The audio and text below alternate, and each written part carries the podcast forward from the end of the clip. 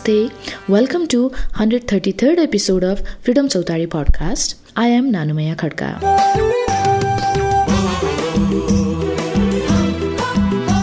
In the previous episode, we rebroadcasted an episode of United Nations Uniting Against Hate podcast, which was based on how hate speech is spreading around the world.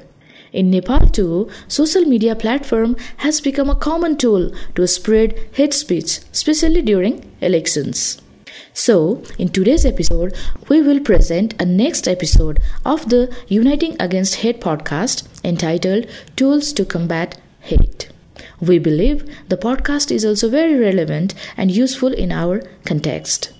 In this episode, United Nations Katie Dartford talks to activists from Minority Rights Group and its partner organizations, Pakistan based think tank Bytes for All and Iraq based Kirkuk Now. So let's listen to what these activists say they have been doing to counter hate speech online and offline.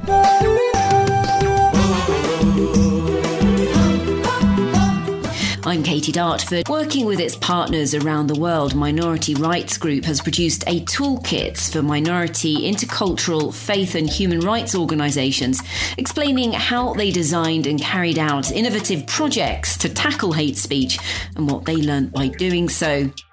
The toolkit covers how to create a lexicon of hate speech terms, how to monitor levels, types, triggers, and targets of hate speech, and how to report it. It also works with young people or the media to generate positive speech to counter online and offline hate. Two of those organisations who helped create the toolkit are Pakistan based Bytes for All, a human rights organisation and research think tank, and Iraq based Kirkuk Now. My name is Salam Omar. I'm the editor in chief of Kirkuk Now. Kirkuk Now is an independent media outlet in Iraq. Our focuses are actually like minorities, IDPs, uh, women, and uh, and children and of course freedom of expression and freedom of press. My name is Claire Thomas and I'm Deputy Director of Minority Rights Group, which is an international NGO which focuses on racism and discrimination. And we work with a number of partners, so around 150 partners in around 60 countries to try to understand hate speech and its impacts or, or to counter the impacts of hate speech. This is Haroon Baloch. I'm a senior program manager. I'm working with Bytes for All. Bytes for All is a digital rights organization where I'm uh, uh, working on the areas of freedom of expression and technology. Could you um, explain a little bit about how you work together? I know Claire, you began to touch on that. So, I mean, MRG was lucky enough to be part of a consortium called CREID, which is Coalition for Religious Equality and International Inclusive Development, sorry, um, which allowed us to channel some funding from the then DFID, now FCDO, uh, to try to understand religious exclusion and how it impacts on development and peace and uh, the prevention of conflict and um, yeah, the achievement of human rights. So it was a very much, um, I don't know, um, Salam and Haroon will comment, but we, we, we tried to sort of support them and then we tried to um, sort of collect together some of the experience across a range of partners and, and share it more broadly so that there was some learning for international actors more generally or, or people in other countries who could learn from, from what we what they had achieved really, which was which was amazing in the project. And Claire, you've got a toolkit about hate speech. What is that exactly? Well, that the toolkit is exactly that. It, it, almost all of it was written by partners, and we just kind of collated it and edited it. So it talked about what they'd actually done and what they'd achieved and how they'd done that. So that if you're um, an organization like Salam's or like Haroon's in a different country, you can pick up this toolkit and, and it gives you kind of a suite of options of things that you may be able to do and it shows what's possible. Uh, so it was supposed to be kind of inspirational, but also kind of practical. Great. So, Salam and Haroon, could you tell me a little bit more about how you see hate speech manifesting itself in your respective countries? So, in Iraq, actually, there are many projects who work on hate speech, but the focus is not only the minorities and also how the exclusion also affects minorities and their daily life. As a media organization, we, we always have two strategies actually how to debunk, for example, when it's come to hate speech, also around minorities and other groups in the society, and also the other way how to produce objective and quality content and then share it on our platforms and share it with other platforms around us. So it gave us the ability actually to monitor also. Like, for example, for six months, we were monitoring a special minority, which is south of Kirkuk in north of Iraq. And then, and then we were actually monitoring all walks of life around the Kakais in those areas, actually, in terms of security, women, and also like living conditions and those issues also. And then how actually government is responding to, to them also. And then how actually they are being approached on different platforms. What sort of things were people saying in terms of hate speech, and who specifically were some of the targets? The Iraqi media is sharply divided among ethnic and religious lines, and also we see very, very few in terms of content in the Iraqi media mainstream. And also, if they are actually depicted, they are depicted as problems because they are IDPs. Also, they have problems and they ask for rights, they have for compensations. They actually don't get well in the reconciliation process after ISIS. So whatever you see is negative content, and this negativity actually is approached and then becomes a norm actually even when something very very positive happens like for example nadia murad became a nobel prize laureate it still it like a problem. People find excuses also to approach them as problems. And that's what's needed actually to a counter argument that actually there are very good success stories. They can respond to this also. So with the help of the project we actually being able to show that very good trends also in that in terms of bringing a lot of quality information onto the media also. Now we actually have received also very, very good feedback from the local communities and also from the academics and also in the media. Haroon, could you perhaps tell me from your side what the problems are in Pakistan in terms of hate speech? We started to uh, map out the hate speech trends in Pakistan, especially with regards to uh, religious minorities. So there are certain religious or faith-based groups that are very vulnerable in, in this regard. Uh, especially, I would like to mention about Ahmadis and Shia, and then uh, likewise it's Hindu and Christian. So hate speech, it's a phenomena that is very much ingrained in Pakistani society because uh, the majority Muslim community is, is very large in number. So there are different shades and variations of uh, hate speech. So we were more interested to know, like, you know, how uh, the hate speech that is very much there in the society, it is uh, being, or, or the social media or the digital platforms are being used as a tool for hate speech to target different uh, religious minority groups. So uh, we started monitoring Uh, and mapping out uh, the trends. So in our trends, uh, we found out in, in our first year that uh, Ahmadis and Shia and Hindus and Christian, they were uh, the groups who were mainly targeted. And the linkages between the offline hate speech and online hate speeches were, were very interesting because in Pakistan, we whenever there is any big event happening with regards to religious minorities. For example, there is a celebration that is going on in Pakistan uh, about uh, the Christmas or Easter, or there is a Diwali or Holi happening in Pakistan. All, all the time we see there there are commentary happening on uh, different uh, social media pr- platforms, particularly on Facebook and um, Twitter, where uh, people would not shy away from calling their Muslim friends like you are no more a Muslim because you were greeting uh, Christians or Hindus or uh, other people. So I mean, like you know, this is how these hate speech online and offline they are directed. Have you seen at all in your in your countries or in your work, all three of you, where the hate speech has actually turned into physical or sort of material violence against people? Have you got any examples you can share that you've experienced? There are a lot of cases that happened. I mean, uh, in 2021, when Ashura was around, based on the trends on social media i mean like you know ashura uh, is an event uh, that is related to shia sect in pakistan where they born uh, there are 10 days where they start their mourning and then like you know uh, on the 10th day they, they hold large procession across the country. In all big cities uh, they uh, organize the processions but based on the hate speech that we were able to track on social media in first four or five days we had predicted that uh, this year this Ashura will not be peaceful. And we conveyed this message to the relevant authorities in Pakistan as well. But when the main two days of Ashura, 9th and 10th, uh, they, they were approaching, so we saw that uh, there were a massive hate speech going on. And then one incident happened in Islamabad where one uh, Zakir, he made some comments in his speeches, but his comments were uh, taken out of the context and, and presented in a different way that he perhaps committed blasphemy in Pakistan. So uh, immediately after that, his speech was misquoted on social media, and and, and the clips from his uh, speech were also uh, made viral on YouTube and Facebook and other platforms. Within two or three hours, we saw that there was a one mob gathered outside the mosque where he uh, made that uh, remark. So people were gathered outside there and they were raising slogans.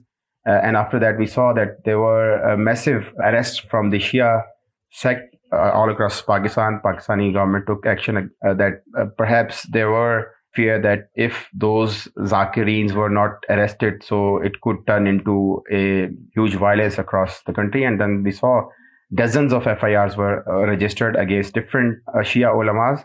And then uh, followed by massive protest in Karachi, where people pelted stones on the uh, Shia mosques. I'm Katie Dartford, and you're listening to Claire Thomas from Minority Rights Group, Salam Omer, editor in chief of Kirkuk Now, and Haroon Baloch, senior program manager of Bytes for All in Pakistan.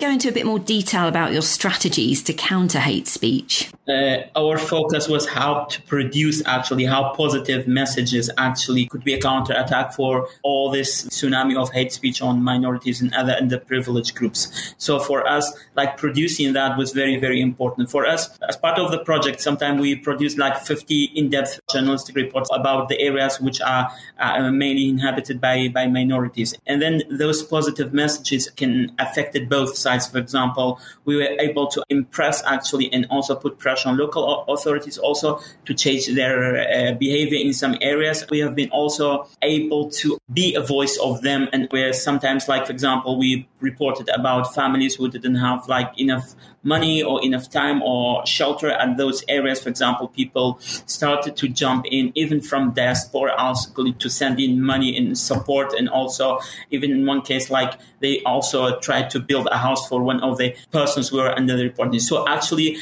the positive feedback was there and it, it, was not from within the minorities actually it came from the other areas of the of the argument. So that was very very good for me uh, for us actually and also the trust we built with them actually from, between our network and also like as journalists, free journalists, and also the communities now. So they actually asking us, and also if there's something of their concern, they come back to us because that stage of the project was very, very important to be close to them because they were under pressure.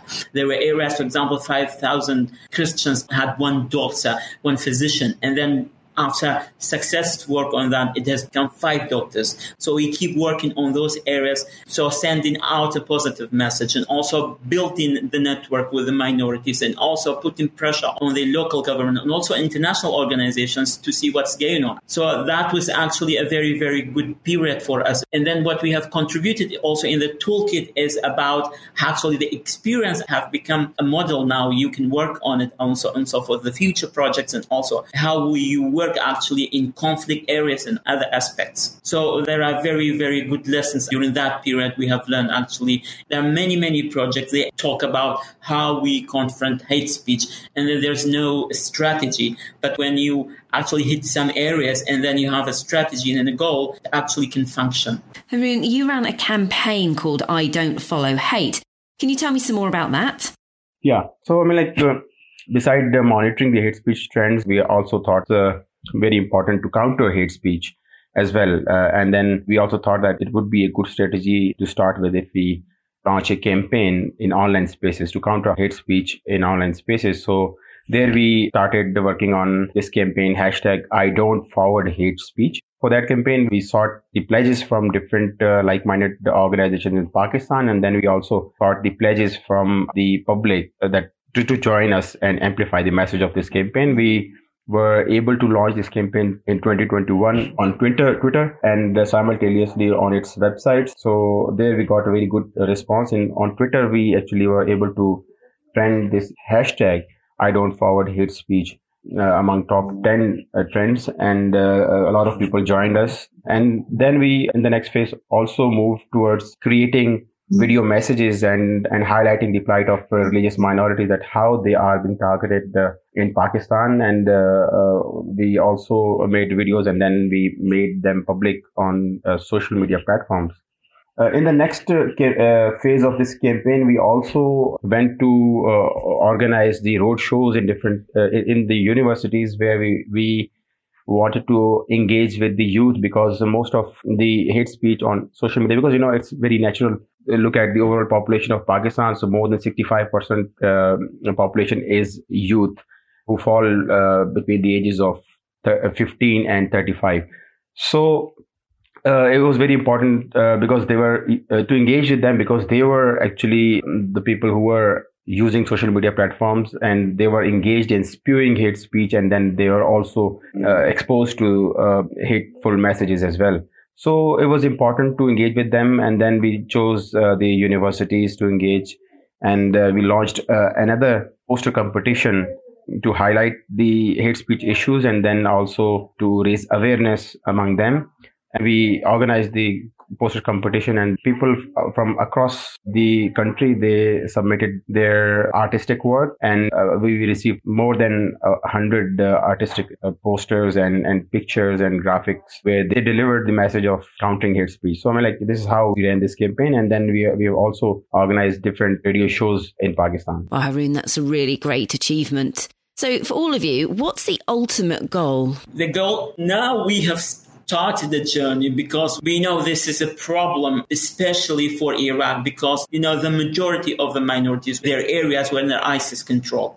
And then there has been huge atrocities. And then the reconciliation process is very, very slow. And then people started return to the camps and then, and then the government wants to close down the camps. So there are a lot of problems in those areas. So building this network actually with the support of MRG. So that was very, very important to keep in contact with them and then to build on it.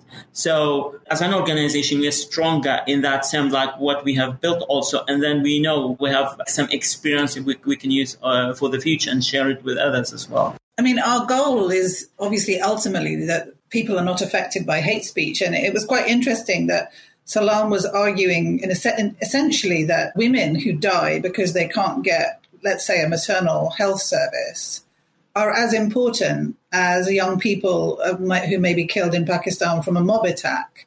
And, and we need to see both sides of that. Um, and hate speech is about discrimination as well as violence. So that's one, just one additional point I wanted to make. But I think the other thing that's interesting about this work for us is that, as I told you, we were working in Myanmar at one point, and a lot of people believe that governments or the social media companies should be responsible for making sure that their platforms don't carry hate speech. And clearly they should. But personally, I don't see that as an ultimate solution, as, as a long term solution to the problem. What we saw was very interesting in Myanmar is that when Facebook started to effectively police what was on its platform better than it had previously, the hate speech moved platforms and moved in Myanmar to TikTok. But while you have multiple platforms with very large audiences, essentially you're only as strong as your weakest link. And when you think about the variety in terms of where those platforms are based and what jurisdictions have control over them, our ability to, to, to make them uh, police their own content effectively is really quite limited. And so that's why I agree with Haroon and Salam that in the very long term, the, uh, the, the long term solution which is to get the consumers of social media in the way that Haroon was talking about the university roadshows and some other things done in Pakistan, as well as the, the more balanced content in Iraq, was, was to give people um, more options, more balanced content and to educate the social media consumer about what is hate speech and why it's damaging. Now, I know that's a huge undertaking, and many people don't believe that it's that it's kind of possible. But for me, it's where we should try to put our efforts moving forward. Right, exactly. So you're addressing the actual root of the problem rather than the outlets. Haroon, is there anything else you wanted to add? Yeah, I was just second the uh, the the comments that uh, Claire has made. Like it is very important to uh, engage with youth and educate them. It's not only uh, about the people who are uh, exposed to uh, hate speech content in online spaces or offline spaces, but it's also important to engage with the authorities as well. Because in case of Pakistan, we also saw that uh, hate speech laws are there, but I mean, we cannot uh, deny that uh, those hate speech laws are only used by the authorities very discriminatorily. So this sort of uh, behaviors also need to be checked and uh, we need to uh, respond. So governments need to change their attitude and then as much as the awareness we can spread on the hate speech issue and, and the related crimes is more important because we also saw that people they don't have understanding of hate speech at all the minorities in Pakistan, they themselves have internalized the hate speech issues. You know, people uh, will openly spew hate against them, and they they are they are fine with that because they have internalized this thing. So I mean, like this very uh, dangerous thing, like people are not paying attention to. So I mean, like massive, massive awareness raising is is is required. I hope this episode of Freedom Chautari podcast was useful for you. The toolkit mentioned here in the podcast can be downloaded from the website minorityrights.org. Keep listening to us for more updates. See you in the next episode. Thank you.